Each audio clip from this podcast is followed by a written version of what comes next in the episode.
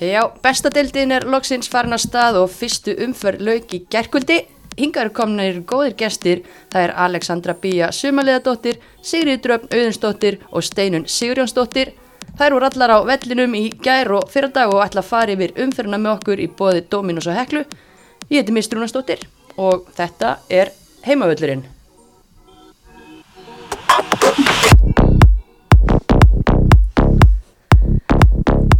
Jæja, dömur, hvað segir þið? Bara hressar, Það ekki? hressar og kátar. Hvað er að frétta? Bara volið, bara nóga bolta og vinnu og svona. Búin að býja spenntar? Já, bara Mjög loksins spenntar. Já. Hvað, hérna, hvað eru búin að brasa síðan uh, síðast? Bara vinna og vera í skólanum og eitthvað leiðis. Já, einmitt, bara vinna á skóli. Stikja fótboltast líka, Sýriður? Jú, pínum með ég er, annar dild. Ok, hvernig gengur þar? Vel bara, ég er bara bjart sín fyrir sumarið. Held að þetta verði gegja. Mm Búið að lengja aðra dildina aðeins og svona. Já, og þið ætlið ykkur að fara áfram í þetta umspil? Já, klárlega. Já, eða umspil, þetta er náttúrulega bara Eh, auka, auka umferð. efri helmingin. Já, Já, fyrstu sex sem að gera það, eða ekki? jú, Þannig að það er planið. já. Það er klárlega planið, sko. Ég held að við getum það. Mm. Steinun, hvað með þig? Ég, þú ert uh, alltaf að þjálfa? Já, ég er með þriðja kanna á blíkum. Já. Það er bara nóg, nóg að gera þar með einhverju 60 stelpur og þrjú lið og þetta verður endarist langt Íslandsmót en þannig að þetta verður bara fjör. Hvað eru? 60 stelpur og þrjú lið?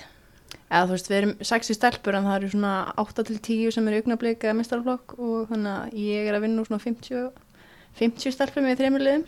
Ok, þannig að bara rólegt sumar, já, framöndan. Það er sem var. Einmitt. Þú ert ekkert að þjálfa, Alessandra, þú ætlar að hérna, skrifa? Já, ég verð bara að skrifa í sumar, allavega eins og maður getur. Já. Og þið náttúrulega bara, eða Sýriður og Alessandra voru mættar bara strax í, í fyrstu umferð og hérna, pennin á loft, Já, það er þetta rifja aðeins upp. það ekki? Jú, maður smá reyðgar svona fyrsta leik kannski. Já, þetta er alltaf gaman. Mm Já.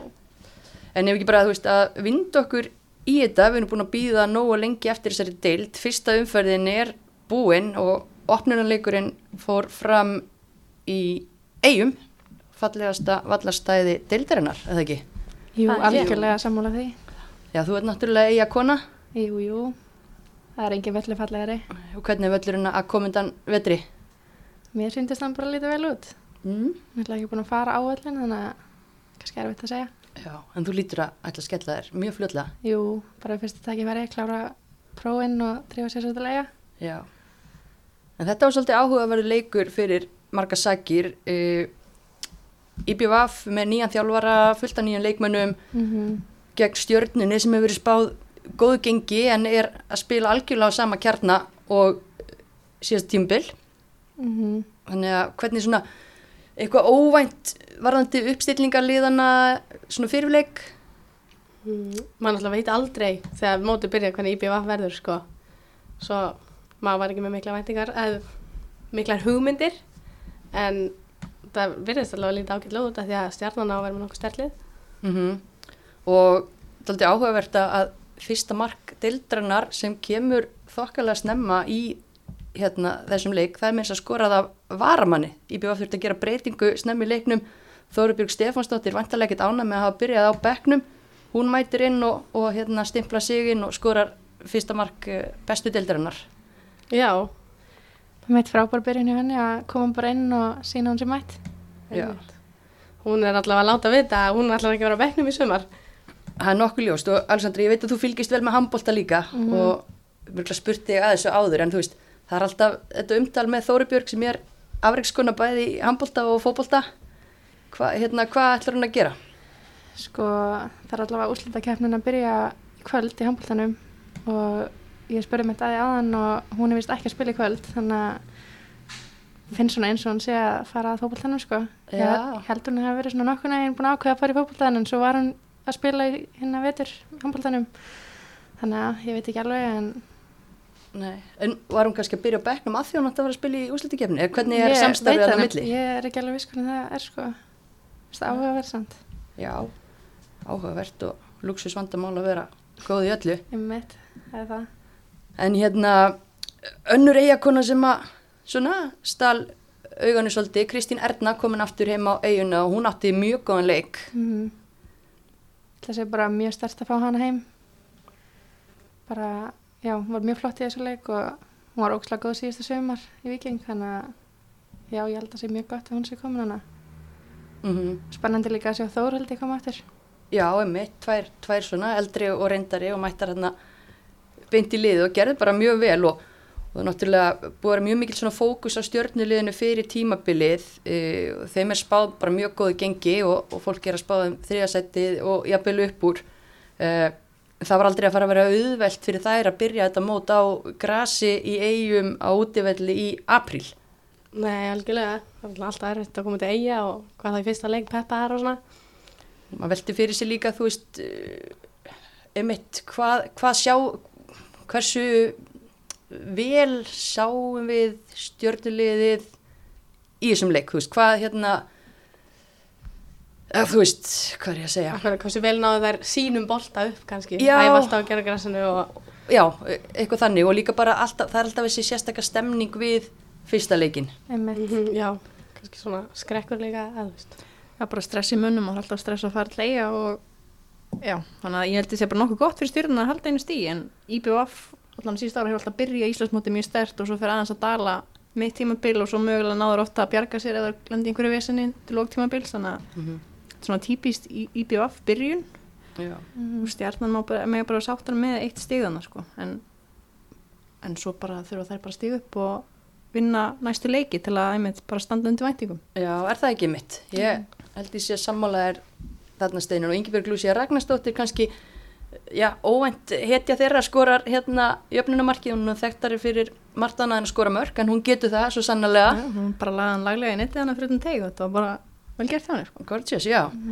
Áhugavert að sjá uh, tölum um það henni í síðasta þætti hvort að Málfríður Erna Sigurðardóttir væri að fara að spila með stjórnin í sumar ekkert, að, búið að sjást til hennar í vetur en hún var bara mætt í byrjunlið Mhm. svo ekkert það ískorist Ég held að sé svona fimm ár síðan sagðist ætla að setja skona hillina sko, ég held að hún mun aldrei hætta.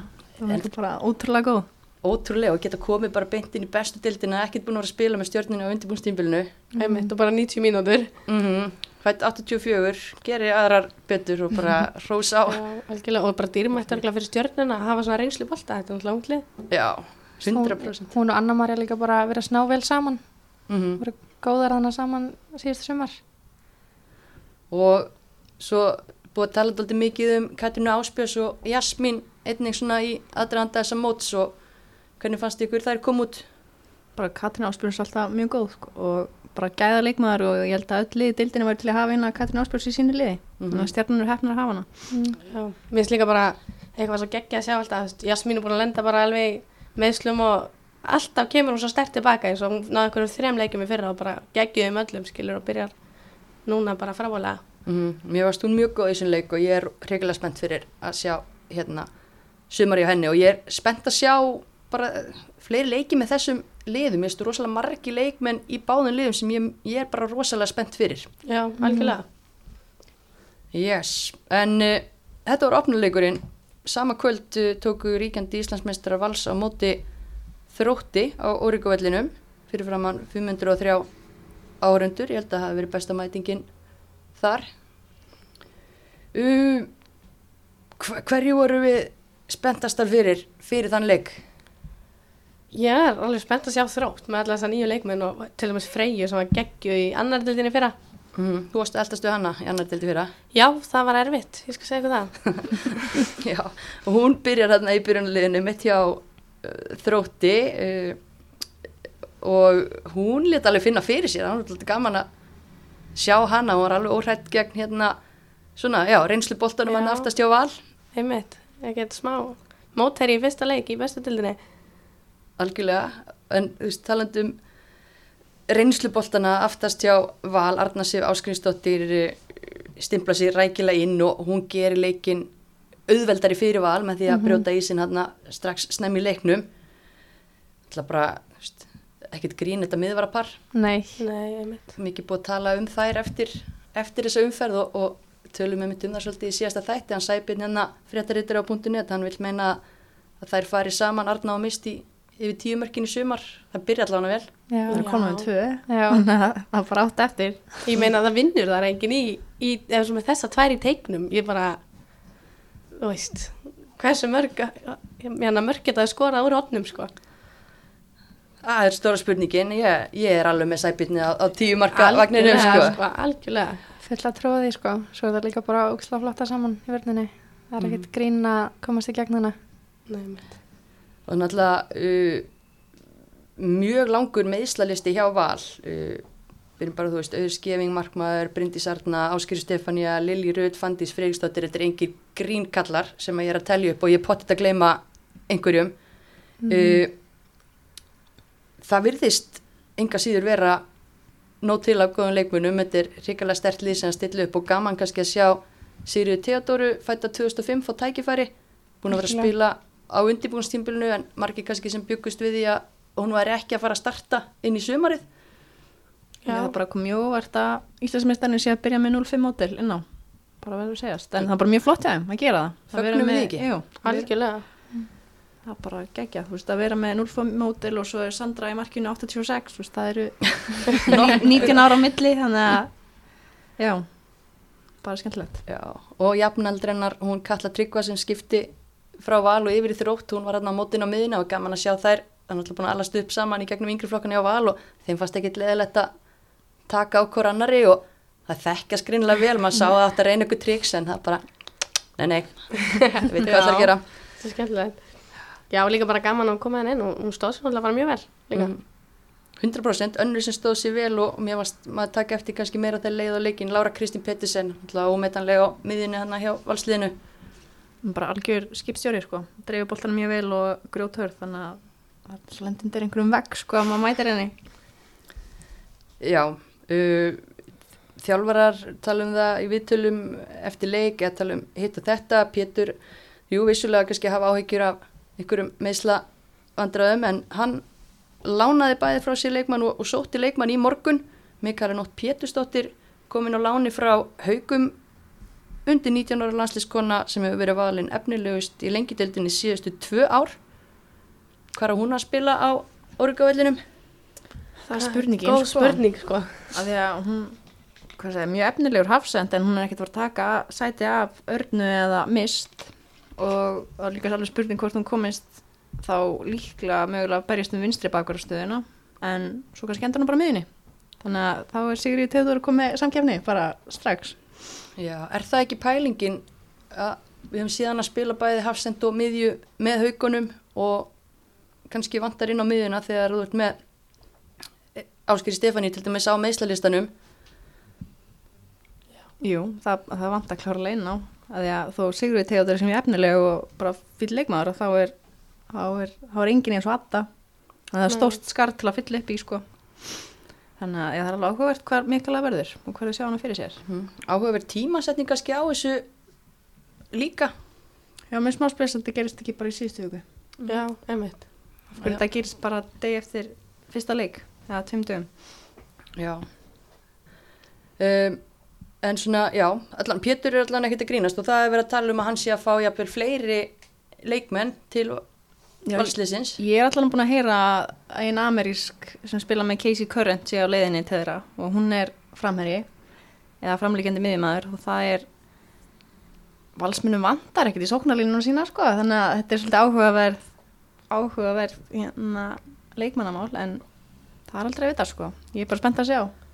Já, ég menna það eru með byrja með Ástísi Karinni, Þórdísi Hrönn, Ítu og Eilinu Mettu sem fremstu fjórar. Uh, Solveig á bekknum sko það er, akkurat, þar er, það, það er alveg ein strax þar og þegar Bryndís verður klár aftur Vitið þið hvað hvenar er von á Bryndís aftur? nei, ég er ekki ég alveg viss. heldur ekki alveg klár á því kannski er Nei. lengri í það en já Það er einhverja vikur held ég, sko. En hérna, já, þetta er allavega áhugavert og en auðvitað er meistaradeildar hérna. Tímabil og annað og þarf að vera með, með stóran hóp, þannig að Það spurning. er reyndar rétt, það er búið að læra blikum það er ekki nóg með 13 leikmenn í meistaradildinni sko. Nei, það, svo er víst ekki. En hérna, bara áhugavert og, og náttúrulega þróttar að líka ný, nýlega búin að sækja sér liðstyrk. Murphy, sóknamaður, ekki komið leikamild. Gemma Simon, ástrálska Hallberan á, á bekknum. Ástralska Hallbergan, já Já, og hérna bara, þú veist ég veit ekki, mér fannst þetta svona ágætis framistæða hjá þrótti, náttúrulega mjög erfitt að byrja út á móti Íslandsmeisturunum en Já, eins og Nick talaði um sjálfur svona vandaði bit fram á við og þetta er kannski bara eitthvað sem á eftir að drillast betur og alltaf mikið áfall að missa Olusik út bara kortir í mót og, og hérna stilla upp tveimur nýjum saman Freyju Karin og Daniel Marcano. Mér fannst það vinsla í þeim, mér fannst það vera að reyna en voru kannski ekki alveg að tengja. Það þurfa kannski bara aðeins lengri tíma og svona til að ná að slípa sér saman. mm þá þannig sé alltaf að byrja val og geta svo tekið stíðin þegar er, sé, þannig sé meiri sénsaði þannig að það er alltaf að að Já. fá bara ágæta æfingu í val Minna 2-0 á móti val, bæði eða þú veist, þetta er ekkert stórslið, skiljið. Nei, en einmitt bæði mörgur úr hotni og eins og tölum um áðan, þú veist, það verður eitthvað annað að, að stoppa þessa turnaðir í tegnum, svo ég meina Já. það eru fleiri, þannig að Lára Kristín er nú ekki lélega að skalla fótbolta á annað, þetta verður Þú veist, vopn fyrir þær, Upplegið hjá hinnum liðin verður bara ekki gefa hotn. gangi þeim vel með hraða framlínu vels að, hérna, að gera það, en hérna, það var svolítið áhugavert sem að Nick eh, Chamberlain segir í viðtali eftir leik, eh, besti leikmaður þróttar að mínum að því þessum leik var Íris Dögg Markvörður, hún varði nokkru sinnum stórkostlega. Og það hefur verið umræða núna, sérstaklega eftir að Cecilia braut hérna, á sér höndina uh, fyrir EM, ég meina við verið með Telmu, Söndru og, og Ceciliu þar og núna er komið í ljós reyndar að Cecilia mun ná sér, eða á að geta náð sér sem betur fyrr í, í tæka tíð en kom umræð um hvert ykkur þriðaplássi að að veist, auður skefing er meitt og, og svona og Nick er bara hissa á því okkur er ekki Íris í umræðinni, hvað finnst ykkur um það? bara hún á allan rétt á því sko að vera í umræðinu en það er bara luxus vandamál að vera í vandræði með hver á að vera í markinu í landsleginu það er ekkit, hefur ekki verið oft svo leiðis Já, ég er alveg sammála. Mér finnst hún alveg hafa týnst svolítið að hún hafi ekki verið í þessar umræðu áður eða ég var alveg sammála þegar ég sá þetta viðtal við Nick. Hvernig bara eins og maður hefði pælt í. Getur það hafa unni gegn henni að, að hún hérna, er bara einhvern veginn kannski nýkomin aftur á staði, menn hún byrja bara aftur í fyrra eftir að hafa verið sitjandi á bekknum og, og þannig gleymist maður í umræðinni, Mm alveg klárlega sko. kannski búið að afskrifa hana einhver leiti. já en bara ef hún tekur næstu leiki og sýnir hvað henni býr og það var aldrei að vita að steini kallan inn á einhver æfingar réttur í mót Einmitt. En það er líka bara flott hjá Nikka að segja þetta því að Já, umræðan er oft, þú veist, einsleit og, og maður er að pæla í sömu hlutunum og eitthvað, að hérna auðvita á að ræða þetta eins og svo hvað Algjörlega. annað. Það er mjög vel gert hjá hann að vekja, að, að, annars væri við ekki að tala með þetta, skiljið. Þá. Mhm. 100% uh, en höldum áfram það er Kópavóður uh, annarsættislið blika vinnur 4-1 heimasigur á Þór Káa í fyrsta leik. Uh, þú varst í Kópavóðisteinun og þú ert náttúrulega bliki. Við, setjum alveg svona hérna, ég er mikill bliki. fyrirvara, fyrirvara um Já, það hérna ég er, alveg, ég er samt alveg líklegust í því að gaggrina blika. Að það er eitthvað sem ég sé að það er ekki lægi það Ok. er alveg en það er alveg þú veist, Þór Ká átti ekki sjans ég með að við, þegar maður sá byrjunleik hjá Þór Ká, ég sagði, ú þetta er að vera alveg leikur þetta er bara mjög svipa lið og þegar voru oft í topparunum fyrir þannig nokkrum árum þegar bæði núna Sandra Mari og Andra eru aftur komna heim og en það komist alltaf yfir miðju þangar til á 60. mínúti sko. Það held ekki boltanum og þetta var bara voru bara svolítið vonbreið að horfa upp á þetta. Ég sammála, mér fannst vanta allan kraft og allt fút, mér fannst að bera allt og mikla viringu fyrir blíkunum, auðvitað er ekkit grín að mæta á Kópavagsvöll og, og hérna spila á móti þetta góðu liði en mér fannst vanta bara þú veist þessi grungildi sem þurfa að vera til staðar, bara baróta íttu frá þér, láttu finna fyrir þér og, og bara svona, ég sá ekki nógu mikið passion. en bæði það en svo líka setja spurningamerki bara við ákvörðin hjá þjálfurunum að spila með þryggja manna vörðin á móti breyðablík Mm. mér finnst það bara stór fyrðulegt hafa allan á fjórar og hvað þá bara spila þá 5-3-2 eða eitthvað þú veist eins og þær Þór Káa hefur spilað síðust ári er þú veist 3 já, 3-5-2 en núna voru vangbakvinir þær voru ekkert að koma tilbaka og það voru hvað svo utanálegjandi hafsendanir þær voru alltaf að þurfa að mæti í kantarni hjá blíkum og það voru bara sundu spilaðar og þetta var bara skipulagsleysi og þess vegna skilja alveg hikiði að mæta þú veist þau bara fann langt út úr stöðu. Þannig að ég set alveg spurningamerki á Jónsá og þá aðeins að þurfa að setja skipulagi í gang þannig megin, svo annars er Ká ekki að fara að stela neinum stígum að liðum í partinum í sumar en já, þannig að þetta var bara þú veist, að því að ég býst alveg með að það nafnalista sem maður sér hérna að það er þá á Þórká alveg klárlega að vera hörku samkjæmni við hvaða liði sem er í deildinni en það var bara alls ekki að sjá það í gær. Nei, einmitt, uh, en að samanskapi blíkar byrja mjög vel, það var náttúrulega gæsa húða moment uh, bara fyrir leik þegar Anna Petric, uh, Petrik nýr leikmaður Breibriks lappar inn á með ukrainska Úkraínska fánan fánann. yfir öxlunum Ótrúlega Geggjuð, fallegt. Sko. Já. Var flott Bara og mikið, mikið passion. Kom ykkur óvart að sjá hana starta? Nei, ég er bara Nei. búin að þú veist, hún var náttúrulega að starta með Karkív í meistaröldinni og, og já, þú veist, Karkív vann blikana þannig að það er alveg, finnst mér augljóst að hún komist bara beint inn í byrjunarlið og hún er líka bara mjög klár í fótbolta og með flotta sín á leikin og skilning þannig að ég veit að Ásö og Kristó eru mjög hrifnir af henni. Mhm. og hún getur leist alla stöður í vörðunni eða miðjunni þannig að hún er mjög fjölbreyttu leikmaður þannig að ég held að hún sé alltaf að fara að halda sér einhvers þar í byrjunleginu þegar fleiri leikmenn koma tilbaka með lóns með Ísli með að erlendis frá og þá erum við að fara að sjá önnu Petri eitthvað næn á Já. En það var satt önnur sem að stál senunni heldur betur Hafrún Rakel Haldursdóttir sjóð heit skora tvö mörg, byrjar á geðugum krafti en svo er ótrúlega sárt að sjá hana hvað yfirgefa Kópavóðsvell í sjúkrabíl. sjúkrabíl og uh, ristabrótin það er Umurlegt. Umrækt en það er mjög gaman að sjá hana að, að fá að vera núna aðeins framalega Já, er verið með auglumari hann fyrir framann sig og hefur þurft hvað að segja sætta sér við stundum bakverðin Mm en hún sýnda alveg klárlega í gæri og hún er frábær fram á við líka og einmitt Þór Káastelpunar það bara réði ekkert við hana. Fyrsta marki þá alveg prjónaði hans upp allan völlin og bara komin markteg og lagði hann mjög vel inn marki Maður sá bara að hún var í ham sko, að vera komin hérna framar sko. Ánaður, gamla staðan hennar um Mosó, hún var náttúrulega fram að Já, þar sko. Hún var alveg að skora mörkin þar. það var líka bara Já, einhvern smá hraði sko, þannig að þetta var já, mjög gaman að sjá. Já, Mm Og bara var, hvað náðun, hálftíma? 38 mínútur Já, eitthvað svoleiðis, já. einmitt. Það er ótrúlega súrt að sjá hana fara út og þetta þýðir að hún er frá í einhverja vikur. já, ég sá minn ásafi talaði um einhverja sex vikur í viðtalinu sem ég sá við hann í dag. En þú veist, maður veit ekki þú veist, þú veist, ég, veit ekki hvort hún þurfa að vera í gifsi og þá er svolítið erfitt að segja hvað verður lengi að fyrir fótinn aftur að liðkast eftir á svo hún ekki bara með eitthvað annað mögulega eftir þessar sex vikur Einmitt. Bara sendum bata kveðjur á Hafrún Rakel og erum að fíla þetta nýja hlutverkanar. já og bara ef hún kemur sér fljótt að staða þá getur hún mögulega bankað upp á í, fyrir EM sko þannig að Mhm. það er bara, hún er vonandi að vera- ná sér Já. En svona aðeins aftur að leiknum, minna blikar rulluð yfir hennar fyrsta hálftíma og afgreitu leikin í rauninni þá. Og síðan kemur hálfleikurinn og maður hugsaður ok, hvað er að fara að gerast? Mínútu inn í setna hálfleikin er Natasja búin að setja, þú veist, naglan í líkistina með hérna fjórðamarki hún er svakaleg mm -hmm. Natasja, hún er ekki það hávaksin en það er bara hún stekkur yfir, ég veit ekki hvað að segja hæð sín í hérklæðum eins og einhver sagði en hún, hún er svakaleg Líka bara alltaf vel staðsett einhvern veginn og alltaf rétt tímasett og já. mm bæði, já, bæði fram á við og í vörðunni þú veist, hún, var, mér var skemmtilegt að sjá hún var óhrætt við að bara taka boltan aftast og fara og svo allt í hún komin í fremstu línu því hún var búin að sóla einhverja fimm já, já. hún, þannig að, já hún var mjög flott Þetta er stert fyrir bleika að fá einmitt Natasju inn og heiti sig fyrir fyrsta leik. Það breytti bara, breytti eða bara svona, ef maður með við hennan leikin meistara meistarana, Mm að þær varu komnar hana saman að einhvern veginn svona gerði svo mikið fyrir bleikaleðir.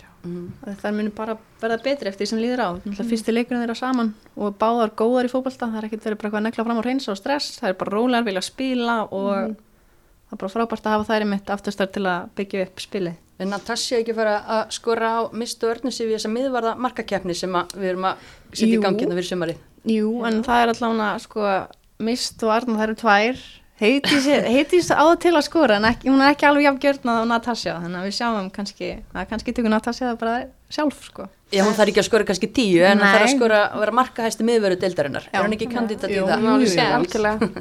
En kannski, já, erfitt að kemja á þeim tveim, sko, en hún á Já, séns í einstaklingskefni. En það er bara svo geggjum yfirvarpöru í þessu deild. Þú veist, við erum búin að tala um Önnu Marja og Málfríði, Mhm. Mist og hérna Er miðvarða veisla. Góð framlegsla á já. Sif og Áslut var líka flotta saman. Já, já. Ef við höldum einmitt. að tala um það. Haldi áfram að telja upp sko en hérna einn pæling að eina svona sem ég heyrði frá blikum eftir leik var ok, komnar í 4-0 fólki fannst uh, sko liði gefa eftir vissulega býta gestirni frá sér og annað en þeim fannst vanta svona vinnera mentality til þess að klára leikin á sama gasi og fyrirháleiku var spilaður Hvað segir blíkinu það? Það var alveg klárað, það róaðist þannig að bara um svipa leit og fyrstu skiptingarnar voru gerðar. Þannig að þegar Írina og hver aftur, var að Birta Georgs kom inn á. Mm. Eh, Ég mjög að sjá Írinu, uppallinn. Á hverju byrjar hún ekki leikinn? Hún spila frábælu undirbúnstímbilinu. Það er góð spurning. Ég get ekki svarað því, af því að hún er einmitt búin að spila, nána, byrja nánast hvern einasta leik á undirbúinstímbilinu og standa sér mjög vel. Og þannig að, en þú veist, það er bara samkemni í breðablík. En hún klárlega er fram, er bara leikmaður sem að við þurfum klárlega að fylgjast með í framtíðinni. Mhm. Af því að hún er bara því líkur fótbolta bara haus. Maður sá hann alltaf vera alltaf að hreyfa sig í nýtt svæði og fá sendingarleiðir og, og maður bara með aðeins öðru sér hugsun heldur en maður sér oft hjá þessum típisku íslensku leikmönnum. Þannig að hún var svolítið smá svona spánveri í henni en það er endur hún Íruna González sko. Jú, jú, en ég grípi orðið, þú talar um samkeppni breyðablik. Hún, Írna, er ekki í byrjunarliði, en þá eru líka mjög margar ungar og efnilegar fyrir utan hóp. Um, ég veit að þær sem voru fruðun hóp að allan að það var talað um að einhver voru búin að vera lasnar og einhverjar voru eitthvað tóknaðar en svo hins vegar hugsa ég þegar maður skoðar bekkin og veist, hver ég meira það er að fara að henda út? Hver er ekki að fara að komast í hóp? Af því við erum með, það er Vigdís Lilja það er Margrit Brynja, það er Kristjana og ég er eflaust að glemma einhverjum Klara líka, Klara sig. Já, já, eða veist, Klara er á bekknum sko. Já, en hinn er ekki einu svona á bekknum. Þannig að þú veist að því þú ert neitt með Klöru og Karitas á bekknum og Írinu, þú ert með frábært miðjuteimi þessar þrjár Mm á, á bekknum en svo einmitt er, væri Vigdís Lilja ef hún hefði, ég, veit að hún var tóknuð en hún hefði, ég hefði viljað sjá hana byrja inn á bara frammi Mm. og Kristjana náttúrulega búin að vera að spila með IPVF síðustu tvö tímabil þannig hún hefur klárlega góða reynslu í deildinni og staðið sér vel og var alltaf að byrja, byrja í IPVF þannig ég var alveg til að sjá hana mitt koma á kantin eða mögulega bakurinn mm En svona miða við að við erum að sjá þessa, alla þessa leikmenn fyrir utan hóp, uh, verða þær þá ekki bara fara á lán? Þetta eru stelpur sem þurfa að vera að spila. Já, ég bara mitt veit ekki hvort að það er séu fyrir utan hópa eða hvort það séu bara út fyrir utan hópa því það voru lastnaði að mittar þannig að það verður bara komið ljós. En það því að blíkar voru bara í gær eða fyrir að dag að senda þrjár á lán Eilin Helena í Keflavík uh, Hildur Lilja í KR og Birna fór í afturöllingu Mm. og svo er mitt er að koma svo áslugmynda og Hildur Þóra frá Harvard og það er einhver orðrumur að líka stelpur og atvinnumennskunni séu kannski að koma heim og þá er bara þá hendast einhverja fleiri út sko Hvaða stelpur? Ég ætla, ég ætla ekki að tala um mér hérna. Næst næstu búin að gera það. Já, en ég bara segi, þú veist, það er að fara að koma, það er að fara að henda stelpum úr byrjunarliðinu. og auðvitað maður horfir á hana á bekk, þú veist, hvernig ætlaðu að, að henda hún? Þannig að ég, já. Það eru greinilega, ætla ekki að lendi í þessu vandræðum í mistrallutinni. Nei, ég held, uh, ég held þessu aðeins að, overreakta við, með að við síðasta haust, að það er komið aðeins of marga leikmenn Mm. núna, Já. með að við vandamálið fyrir það. Tvær vikur í að glukkin loki, þannig að, Þú veist, það munur klárlega einhver að fara lán aftur, en það er bara spurning hverjar og svo líka spurning hvort að einhverjar fari í augnablík, sko. En þær eru margar bara, hvað sé, þannig sé búnar með það já, að því að maður sé núna augnablikstelpunar þetta eru ég taldi í síðasta leika byrjuðu sex eða sjö stelpur bara sem eru á þriðflokksaldri inn á augnablik og þannig að þetta eru þetta er svona millispils ástand núna hjá blikum. Það eru margar bara sem eru búin að spila einmitt með augnablik 2-3 tímabil og eru það bara tilbúinar að fara að taka skrefið. Mm en eru kannski ekki komnar bara í einmitt í byrjunarliðshóp eða að fá marga mínútur í blikum. Þannig að þær þurfa þá bara að fara eitthvað lán í bestu dildinni mm hausverkur fyrir hérna, Ása og Kristó að að reikna dæmið út. Já, en þetta er samt líka bara luxus vandamál að hafa svona marga góða leikmenn en svo er ég líka bara að segja það að við erum með svona marga góða leikmenn að það er ein uppalinn í byrjunarliðinu. Ein uppalinn Mér fannst það svolítið breyðabliks. Það var ásta eir. en- Hvenær gerðist það síðast? Hefur það einhvern tímann gerst? Kannski fara freka, það hefur örugglega aldrei Það gerst. ég bara, ég, ég, get, ég, ég get ekki muna það sko. Af því að alltaf Kristín Dí, Selma Sól, Agla Maria, þetta er alltaf uppaldið leikmenn, Andrea Rán, uppalinn. Þannig að við vorum alltaf með allan á fjóra fimm og þetta var bara svo alltaf erfitt að sjá það þegar svo horfum maður hinn meina Þór Káa, þú veist, ég veit ég var að tala um eitthvað lillegt skipula og svona en ég horfði og hugsaði bara flott hjá þeim, þú veist, þar voru með einhverja sjö uppaldar í byrjunarleginu sinu og bekkurinn býst í vega séu bara eiginlega allt ákveðra stelpur. Og bara einn erlendan leikmann sem er nú eiginlega orðin hálf íslensk, Tiffany McCarthy, búin að vera hérna lengi. Ég mynd var að tala um að Þór Káa var ekki með neitt erlendan leikmann, að því að ég mynd, Tiffany, hvað er þetta, þriða, fjóra, þriða, fjóra Þriðja. tímabili, já. Selfoss breyðablík Þór Káa. Já. Þannig að, já, á meðan blíkar hafa held ég aldrei verið með svona marga erlendar.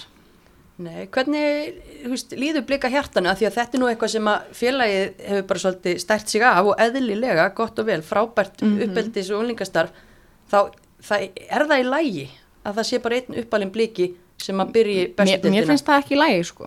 En það því að við erum hérna með alveg, það er alveg þó nokkuð plás sem hægt að fylla, finnst mér með uppöldinu leikmönnum. Frekar en að vera að sækja því einhver önnur íslensk lið, að þá eru gefa þessum ungum sjansinn, að því að ég hugsa bara, þannig sem við erum búin að missa pressuna á það, ok, við erum öðru seti fyrir að fóru fullt af stelpum út, af hverju þá ekki nýta tækifæri að leifa hinnum að spila, af hverju erum við að sækja allar þessar erlendu eða og íslensku. Mhm. Þannig að, en, en þú veist, ég allan að, þú veist, eins og Taylor og al, hérna, Sandy og Anna Petri ykkur alltaf búin að vera mjög góðar, þú veist, þeir eru mjög góðar og svo eftir að segja þessa áströlsku sem var að koma. Já, Hún var ekki að heitla mig þannig þessar 70 mínútur sem hún spilaði, einmitt. en ég á eftir, já. Þannig að ég ætla bara rétt að vona að hún, ef hún stendur sig ekki að þá fær einu uppalinn bara sætið hennar. Já. en hún er sér ekkert að spila bara því að hún mögulega kostar einhver pening, ég veit það ekki Nei, einmitt. Þetta er allavega mjög áhugavert og það, hérna, þjálfarinn verður þá að gera svo vel að ná árangri fyrst að þeir eru ekki að spila heimastelpum, að maður myndi hugsa það að, að stuðningsfólk, hérna, en svo er annað, þú veist, hvað Íslandsmeistari titillin, hvað tilur hann? Og hvað til það að skila góðum uppöldum leikmönnum? Allan að með hvernig stefnan hjá breyðablík hefur alltaf verið. Þú veist, eins og upp yngri flokkana, það er ekki verið að tala um titlana þó að þeir komi oft en það er verið frekar að tala um hvaða leikmenn við erum að skila bæði þá upp í úrvalstildana í atvinnmennsku, í háskóla í, þú veist. Þannig að mér finnst svolítið sárt að sjá eitt, eitt breyðablíks hjarta þannig á vellinum. Það þurftu tvær þegar að koma inn á en það var bara það er ekki alveg nógu mikið. Nei, einmitt, þetta er, þetta er mjög áhugavert. Það var eitt reyndar sem ég langaði að nefna áður en við hverjum frá þessum leik, nú tala hansi lengi um hennar leik, mikið að ræða, margi leikmenn utan hóps og margi leikmenn hér og þar.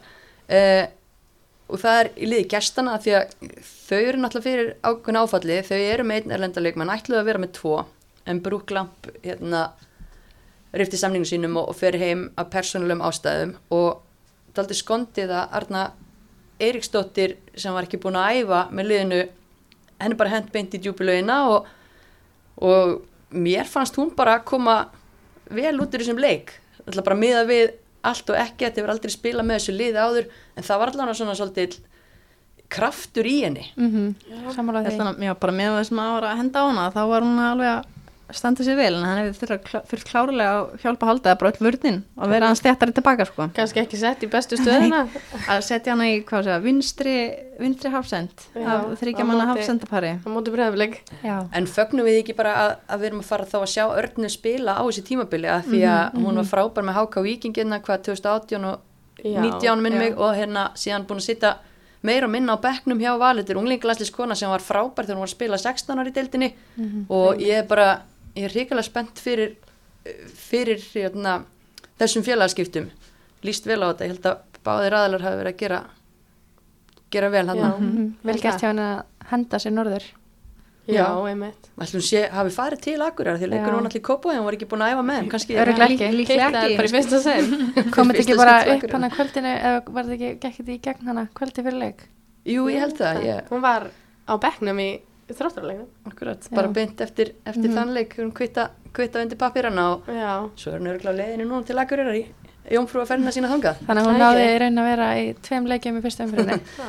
Já, hún er vel gert. Eina sem náði því, örgulega. kona, umfer, kona umferðanna í umferðinni. Já. Algjörlega. Já, sérðu, en svo var reyndar bara komað, já, mér varst ekki að framtaka að, að því að ég hitti þinn og steinun eftir leik í smáranum.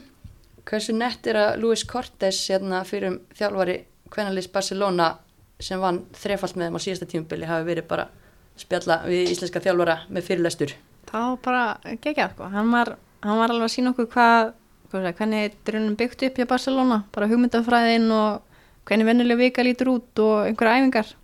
Að því að það var ekkert smá teimi sem er í kringum þetta Talduru þegar hann síndi glæruna með öllu staffinu kringu liðið? það voru einhverja fimm deildir þú veist, það voru þjálf, hann var aðalþjálfari og svo tveir aðstöðaþjálfarar, markmannsþjálfari, tveir styrtaþjálfari tveir svona, þú veist greinendur sem að greina Barcelona og greina anstæðingin, svo var næningafræðingur, sálfræðingur, læknir, tveir sjúkraþjálfarar svo var samskiptadeild og það var Þetta líkuðu bara eins og hjá knaspindisambandin okkar, ég, sko. ég mitt sagði við þurfum bara að ráða 20 manns og þá verðum við bara að koma með heimsklassa leið En þetta er ekkert En- smá flott og gaman að sjá hvað þetta hefur stækkað líka mikið bara síðustu árum hjá Barcelona. Það er ekkert svo langt síðan að þær tóku skrefið í þessa átt og, og sjá hvern, hversu magnað þetta er og, og meira segja, meira segja, segja hvern leikminn farnir að hérna, búa í La Masia, þú veist, mm -hmm. akademíu aðstöðinni.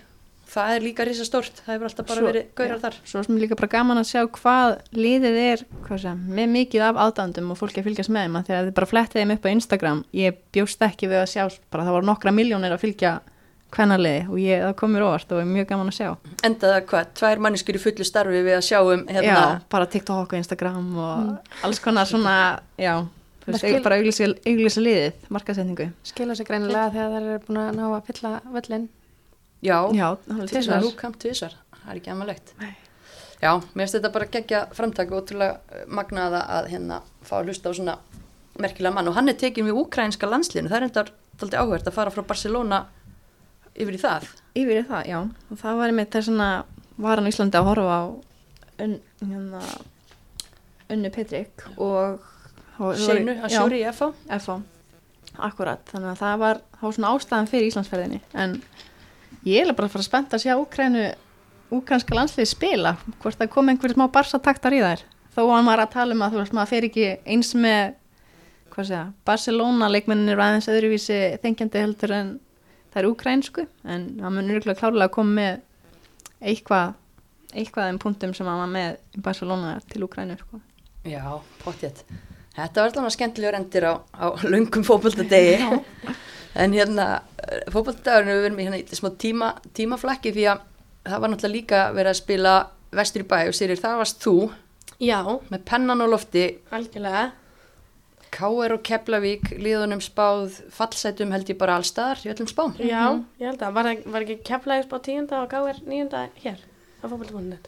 Jú, ég held þessi þannig Jú. Allavega, það var hérna, byrjaði mjög jaft og spennandi. Ég var svona, já, ok, bara hérna, káir, þetta var bara eins og bortennis til að byrja með, bara keflaðik, káir, keflaðik, káir.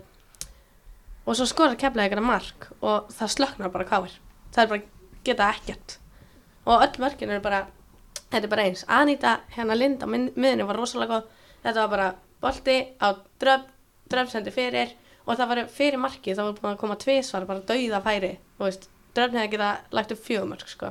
Já, hún var geggjuð í þessum Já, leik. og þetta var bara Anita á dröfn fyrir og Anna Brassin, nýja skoraði, sko. Mhm. Og reynda sigur, sko, með hennar, en já. Og geggja að sjá hana brassa, það var bara geggja að fá hann í þessa deild, rosalega góð. Anna Santos, uh, já, tók hana kortir að skora þrennu. Einmitt, ágætis byrjun hún, já, bara ógislega flink með boltan, heldur boltan rosalega vel, var mjög duglega að fá hann svona milli varnar og hérna miðju hjá kepplæk og bara geggja fyrir kepplæk og mér kepplæk líta vel út. Líka þegar hann ætlaði að geggja er sókninni ger náttúrulega Káir var að gera láta að líta vel út sko. Eða þú veist það var ekkert að gerast eins og fram að Bergdís var aðeins með hérna maður svona líflegust alltaf í fyrirháleik Mm -hmm. annars var ekkert að gerast sko. En, veist, þær hjálpu klálega keflingunum en þú veist þær kom mér á óvart sko. Það var bara þú veist bara fyrir hvern einasta bolta í vörninni líka og einhvern veginn bara allt á hreinu sko. Var mikið svona barátta í þeim mikið svona stemming bara einhvern veginn fannst mér að horfa þær. En alltaf líka að vinna 4-0 sko. Já, uh, reyndi eitthvað á, ég fórveitin, reyndi eitthvað á Samanthu Lesnag Murphy, markmannið þeirra. mm, aðeins, hún greip alla fyrirgjafir, það var einu að hún misti boltan svona, það mun að Littlar hafi skorað. Mm. svona, var aðeins ekki í byrjun sko en greip rosa vel inn í og svona en svo sem ekki mikið þegar leið á leikin en mér fannst hún líta vel út Já, svona fyrir utan þetta eina sem var svona, oh shit. Einmitt. En það er hérna kannski munur líka á því og stert að uh, keflugingar voru að sækja sína erlendu leikmenn svona eins fyrr Anna Paula Santos Silva þrennu konan okkar, hún er búin að vera að spila með í lengjubíkarnum og komin inn í þetta, búin að kynast liðin og annað. Já, Káringar eru bara, ég, það var einn sem spilaði að velunduleikmannum þeirra og með varandi leikheimild, ég veit ekki eins og hvort það hafi verið komin leikheimild á hinnar eða, eða hver staðan er. Er það ekki svolítið riski business þegar þú veist þú ert að fara að mæta Keflavík sem er mögulega að fara að vera hérna, þinn helsti svona keppinutur í sumar að vera einhvern veginn ekki búin að græja þessa hluti fyrir? Já, einmitt Hildur, eða ok, kannski er það eitthvað með blikum, Hildur kemur bara fyrir leik, hún er bara strax inn í byrjunarleið og jú, mér fannst, mér, hún heitlaði mér ekki mikið þessi Margot, ég veit ekki, hún var í uh, vinstri bakverði, sá lítið af henni sko. Eh, klálega góð í fótbolta sko, en það vantaði alveg þetta að vera búin að spila saman greinilega sko. og bara hinna tvær sem er ekki eins og með þú veist, ég veit alveg að mörglið lendi í því og, og bara eru er bara býðandi á rífrestakkanum að sjá hvernig leikheimildi dett inn og svona Já. en ef að leikmenn hefði komið kannski tveimur mánuðum fyrr þá væri þetta ekki vandamál ég veit alveg að það kostar pening en þeir upp er staðið Já, með, þú, þú veist hvernig mótið Hvernig- byrjar og, já, bara, þetta er bara svona pæling að því að þú veist, við erum búin að tala mikið um það og kannski er óttalega vitlis í okkur en við erum að gera ráð fyrir því í sumar að þessi þrýr erlendur leikmenn þurfi að vera algjörir liklar hjá káerliðinu og svo að þær séu bara ekki einhvern veginn mættar í fyrsta leik. Mér finnst það ótrúlega skrítið Mhm, Já, sammála því. Algjörlega og þær eru líka, ég menn þær hafa alveg mist mikið síðan í fyrra. Og veist, ég þær eru ekki með betra lið núna heldur en þegar þær unni lengi til þenni fyrra svo það er mjög mikilvægt að fá góða útlendinga og já, einmitt sérstakt þar, þú veist, maður sá munin að kepla einmitt, maður sá að þær fyttuðu inn í þetta, voru búin að spila saman á meðan maður, þú veist sá ekkert, já, kepla, nei, káir sko og vantar svolítið upp á ef að það er alltaf að gera eitthvað þessari delt í sumar, finnst mér eiginlega. Ég vona bara að þetta sparki rassin á káira því að það er verið bara að hafa miklu ágjur af tímabilinu ef það er að fara að tapa með 4-0 fyrir Keflavík Akkurat, sko. og maður horfir á byrjunarlið þá er þetta allt, að flest allt leikmenn sem að annarkvort voru einu sinni mjög góðar voru komnar yfir sitt besta eða eru leikmenn sem að bara, ég myndi segja að það væri ekki að varlega í hóp í sumum öðrum liðum í dildinni sko. Já, og mér fannst, já, hérna Bergdís og, og Ísabella Sara, það, er, það vantaði bara svo, þú veist, það geti ekki gert það tvær eins og í sóknarleiknum. Mhm. Miðjan var alveg bara, þú veist, unnu ekkert á miðinu, var bara að missa boltan og svona. Svo, en þú veist, eins og Ísabella Sara var allan, þú veist, þegar hún fekk boltan náði eitthvað að sóla tvær og komast inn í teik, sko, það var einu séðan hjá K.R. Bergdís fyrir út af mitt, ég veit ekki, hún hef fengið, hún lendi svona samstuði við hérna, samöndu, vonandi ekki mikið. Nei, þær þurfa sannlega á henni að halda og, og þú veist, þetta er bara, já, skellur en þetta er náttúrulega bara rétt að byrja og, og bara hrós á Keflavík. Umræðan um þær er ekkit búin að vera neitt sérstaklega jákvæð núna á undirbúinstímbilinu og ríkalega stert að mæta á úti völl og ekki bara vinna, heldur bara negla og þær eru á toppnum eftir fyrstu Akkurat. lega markahæsta leikmannin. Einmitt, mér finnst það líka svo stert að því umræðin er búin að vera leikmenn að fara, þú veist, er ekki stemming en mér fannst það bara svona sjást á vellinum bara, þær voru bara beinskittar í sókninni og bara, þú veist kepla, nei, káir áttu skot og það bara þrjár fyrir skotið, sko. Mm. alveg, já, mér fannst það það kom bara skemmtilega óvart. Já, ég er bara samglæstum og stert fyrir þær að fá Elinu Helinu líka aftur á lán, gengur hún bara inn í sitt hlutverk, þekkir hún þekkir þetta vel. þekkir þetta allt þarna. Og að geta þá stækka hópin og bæta hans í hann með leikmanni svo henni, það er spurning hvort að það er alltaf með mjög ungan back efnilega hann er mjög ungan. Þannig að spurning hvort að þær geti eitthvað ná eitthvað aðeins að stækka hópin það er spurning hvort það veri fleiri blíkar lánaðir. Já, einmitt, það er aldrei að vita. Það er alveg plás fyrir blika Það er er alltaf stýttur til Keflavíkur heldur en hérna, Akureyrar eða til eiga sko, það fyrir að vera að lána þanga Já, nákvæmlega, en hérna að því að við erum hérna í bóði Dominos og Heklu þá náttúrulega við hæfi að negla okkur Dominos spurningunni.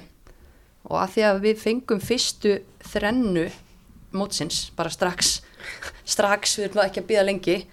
E, þá kemur spurningin ekki kíkja, Steinun hann er að reyna að Ég svindla. E, hver var fyrst til að skora þrennu í fyrra? Ég, Deildinni? ég, myndi, ok, ég veit ekki hvort það sé rétt. Var það að brenna alveg vera?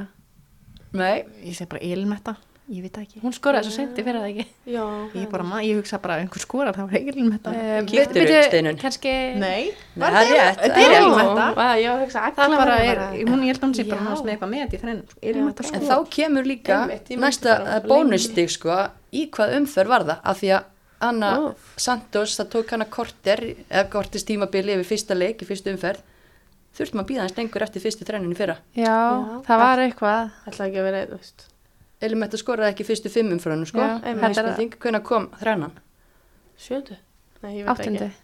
Bing, áttundu, Ah. vel gert Vel gert. Þannig að góð Dominos uh, spurning bóði, bóði okkar besta pizza staðs algjörlega. um, Herra, það eru netdagur á Dominus, sá ég. Já, Kompa þín. Já, 50% afsláttur eða þú sækir. Já. Það var- 50? Já, það er bara wow. megavika í appinu sko. Alveg dýl. Allir að panta sér pizza. Já, ég vona að þátturinn komi inn meðan netaðnir er ennþá því þið klárast uh, í dag, 28.4. Ok, við tekum enga ábyrðið. Munið bara eftir svo næst þegar þetta er. Já, eða bara sparki rassinn, kannski detti þátturinn inn, það það væri- það mjög stert. Já. Já, að pressa. Já. um, en uh, já, bara hrikalega vel gert hjá keflvíkingum, smá sokkur frá, frá þeim og spurning hvað hérna Algjörlega. Hvernig ætla K er að bræðast þessu? algjörlega.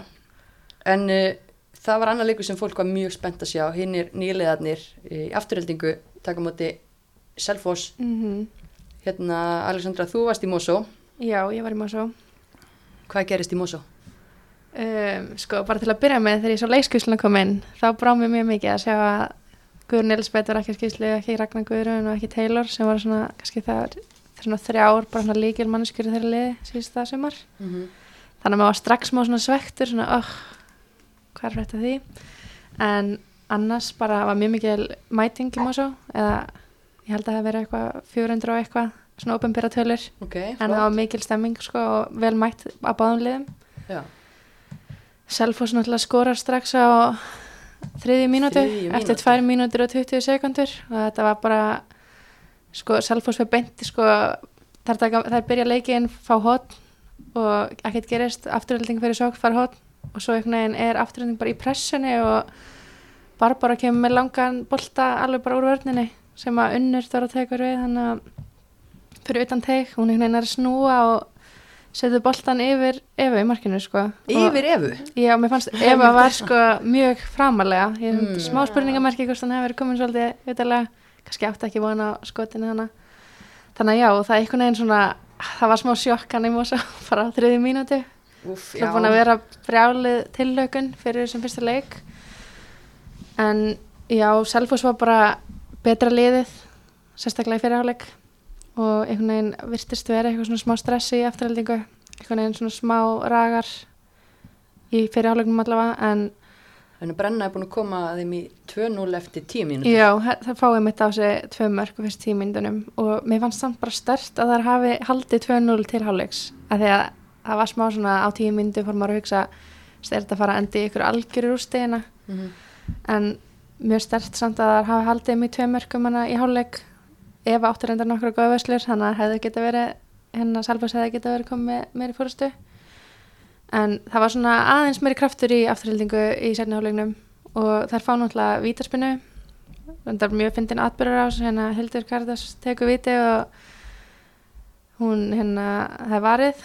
Já, og svo einhvern veginn bara er aftur bent á punktinn og við séum enginn hvað er í gangi en ég var vist aðstofdömmarinn að dæma hún hefði farið af línunni. En hún skorar ennar tilraun og það er hennar minga munin 2-1 og maður svona er svo ekki að það er að komast inn í leikin Selfoss verið sókn og skorar 3-1 þetta var svona ógeðslega svort fyrir, hvað, helstu með afturlýtingu? nei, fyrir hérna ég er Selfossingu líka sko Já, þú ert Selfossi, ok. Eija konan frá Selfossi. já.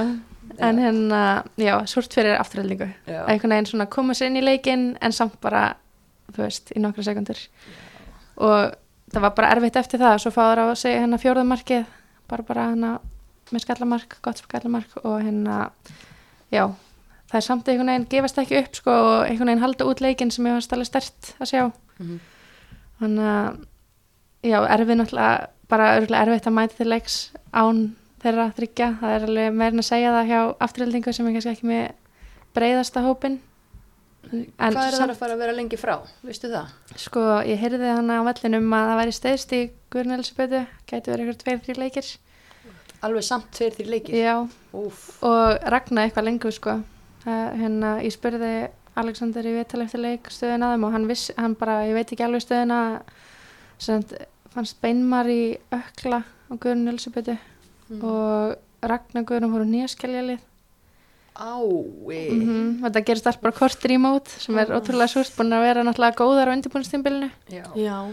þannig að þetta er alveg smá áfallum og svo en, en eins og Alessandir sagði það verður bara að koma aðrar og hérna taka sér hlutverk Já, já. og hann mitt sagðist ekki hafa áhyggjur af því að hann hafði svo mikla trúið liðinu og karakterinum sem býr í þessu lið Mm. þannig að ég spurði hann einmitt út í þessa umræði sem er búin að vera hann með mót, hvernig mótleiti kemur hvernig það munum bregðast í því þegar stemmingin er náttúrulega búin að vera geggjuð Mm -hmm.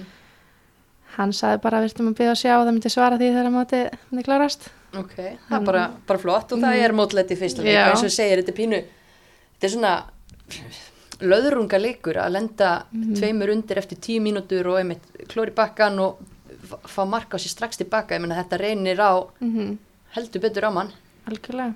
En mér fannst hérna Selfoss bara ógislega flottar. Einmitt var líka búin að vera svona, vissi ekki hvernig þær kemur inn, er ekkert búin að vera mjög sannfærandi núna í vetur. En það var einhvern veginn bara mjög mikil stemming í liðinu og einhvern veginn svona gott flæði á boltanum og bara, já, þær litur mjög vel út. mm -hmm. búin að ná öllum svona sínum Mm helstu vopnum Brenna strax komið tvö þannig að hún heldur áfram að skora. Akkurat, byrja vel, en hverja voru svona bestar fannst þér í selfhúsliðinu eða hvað fannst þér virka besti á þeim? Sko, mm, mér fannst hérna skemmtilegt á, áhugavert að Bergrós Ásgeis, hún hérna var á kantinum, hún er lettur varnumæður. Hún var mjög góð, hún var komið mjög mikið hættilegum fyrirgjöfum, á tvær stóðsendingar. Hún var bara, afturölding var í vesinu með hana, þannig að mér fannst hún hérna, hún og Brenna, svona kannski mennleiksins, Unnur Dóra fyrirlega var líka mjög góð.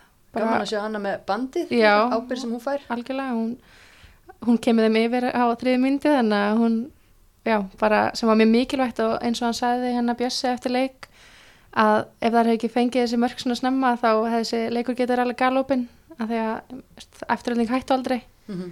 þannig að það verið mikilvægt fyrir þær að fá þessi tvei mörg sem er að skora þetta mark beint eftir vitið þannig að mér fannst þær svona þrjár Barbara og líka mjög góð bæði varnarlega og náttúrulega var að taka mikið þátt í sóknuleiknum gott að fá hana aftur Mhm. frá Brömbi skora upp gott mark. Þannig að það er fjórar kannski svona standa upp og en bara allt liðið var að spila vel fannst mér, það var engin eitthvað sem að mér fannst eitthvað ekki nógu góð Nei, þannig að þetta er alltaf tikka hjá þeim Já. þegar að út í alvörin er komið. einmitt, náttúrulega reyndi ekkit eitthvað brjálaslega mikið á vörnina en svona allt sem kom þá fór ekkit mikið í gegnum þær hann að Sif og Áslu Dóra Mhm. voru mjög virtust mjög sterkar þannig Já, En mér varst gaman að sjá hérna Hildi Kærdas í afturhaldingu. Hún er náttúrulega búin að vera mjög góð í haugum en samt einhvern veginn kannski búin að þurfa að gera svolítið mikið hlutina sjálf. Eða það sem ég hef séð. já, Og sem var kannski smá svoleiðis í gær líka. Einhvern veginn er ekki, maður slakkaði til að sjá hana með Guðrun Elisabeth og Rögnu og svona.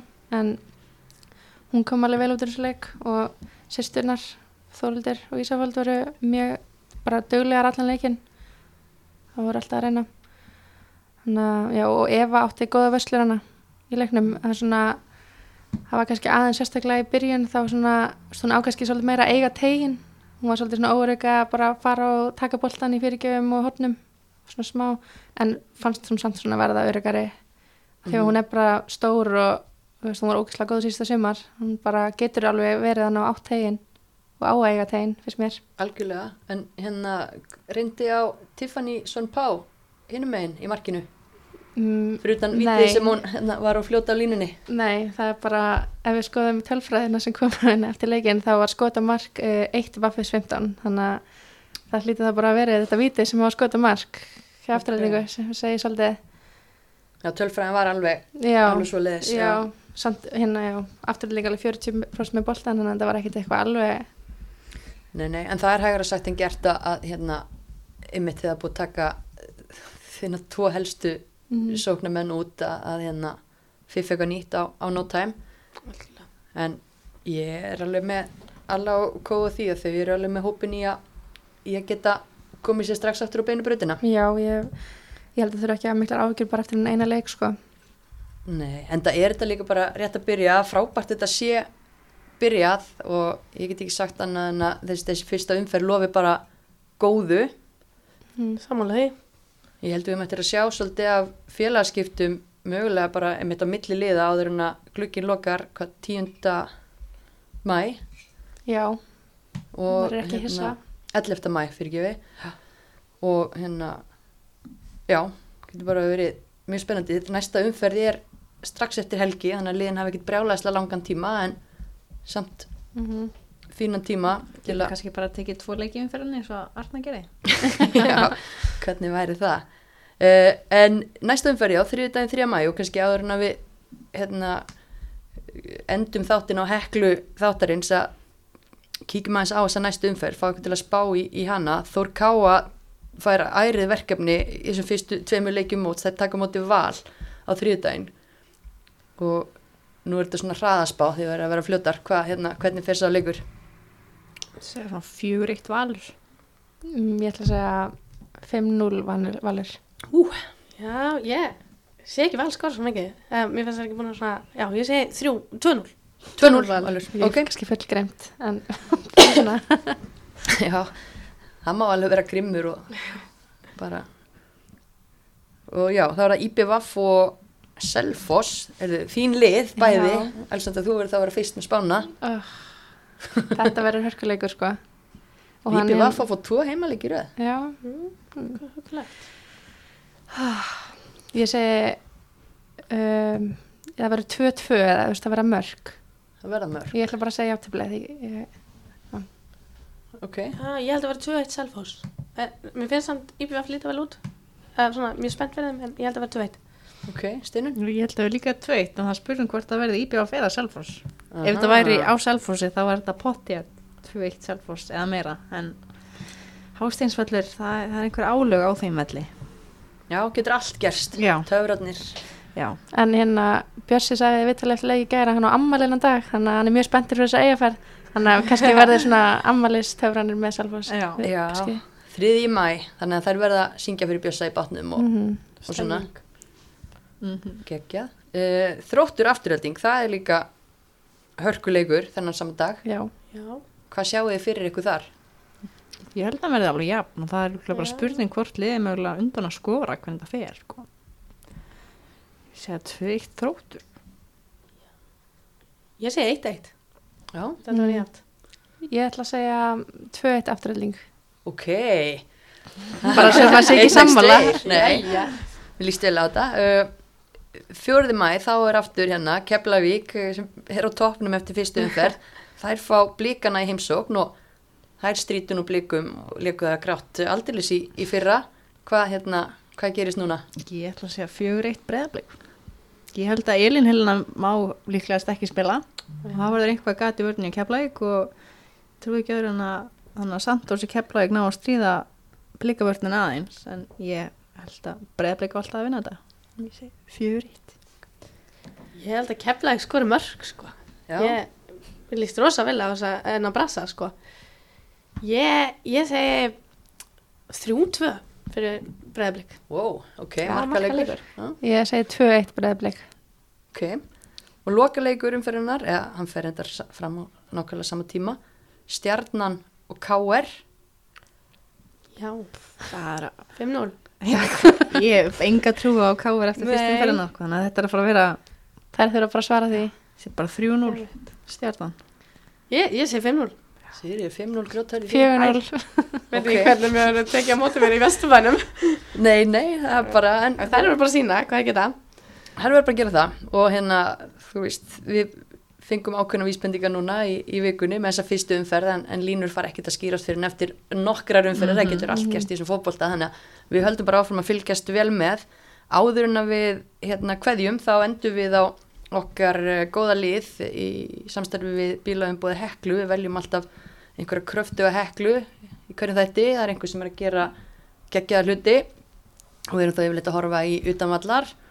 Og uh, við ætlum að líta í breiðholtið þetta skiptið. Og Sigriður, ég veit að þú þekkir vel til starfa viðkomandi, viltu tilkynna fullt nafn á, nýjustu heklun okkar? Já, hérna Helga Dæni Bjarnadóttir, legend í er. Hún, já, hún spilaði náttúrulega með í er bara, ég veit ekki hvað lengi sko, og núna síðan hún hætti hún spilaði nú eitthvað með okkur fyrir held ég. Uh, nei, við hittum fyrir þá er hún búin að vera, hún er búin að þjálfa hún er að þjálfa stelpuna sem hún byrjaði að þjálfa ég veit ekki hvenar, búin að þjálfa yngri flokkana mjög lengi búin að þjálfa stelpuna sem var að spila í meistaraflokki núna. Uh, hún er komin í aðstjórn, nei, stjórn knafspindildar Ok. og er í teimin okkar núna þjálfari teiminu var í mestrarflokki kvanna og var í fyrra líka. Og hún er bara alltaf bara búin að gera þvílitt mikið fyrir ír og kvennaboltan ír. Mjög dýrmætt að hafa hana. Og einhvern veginn fer í öll störf og bara algjörlega eins sko Hekla, kona. maður heyrir, maður heyrir góða hluti ofan úr, úr breiðoltinu einmitt um Helgu Dani og eins og segir hún er búin að vera hana mjög lengi. já, bara, ég var að skoða þetta hún hérna spilaði fyrsta leiki sinn 2006 hún er- fór held í tvö tímabil í hérna eitthvert og síðasta leikin 2019 þetta er aðeins sem var ekki leiki fyrir ég er Já, vel gert. Mikilvægt að hafa eitthvað svona Já. innan félagsins. einmitt og ekki síður mikilvæg bara utanvallar, bara búin að þjálfa endalust að stelpum í er og, og núna komin aðeins í mestrarflokkinn og svona og er mikið í kringu leið, alltaf mætt og mjög mikilvæg bara Það er bara snilt og, og verðskuldu hekla. En Dömur, takk fyrir að koma og hlaupið við umferðina með okkur. Bara takk fyrir að fá okkur. Já. Og takk fyrir að hlusta og takk Dominos og hekla fyrir að gera okkur þetta kleift allt saman.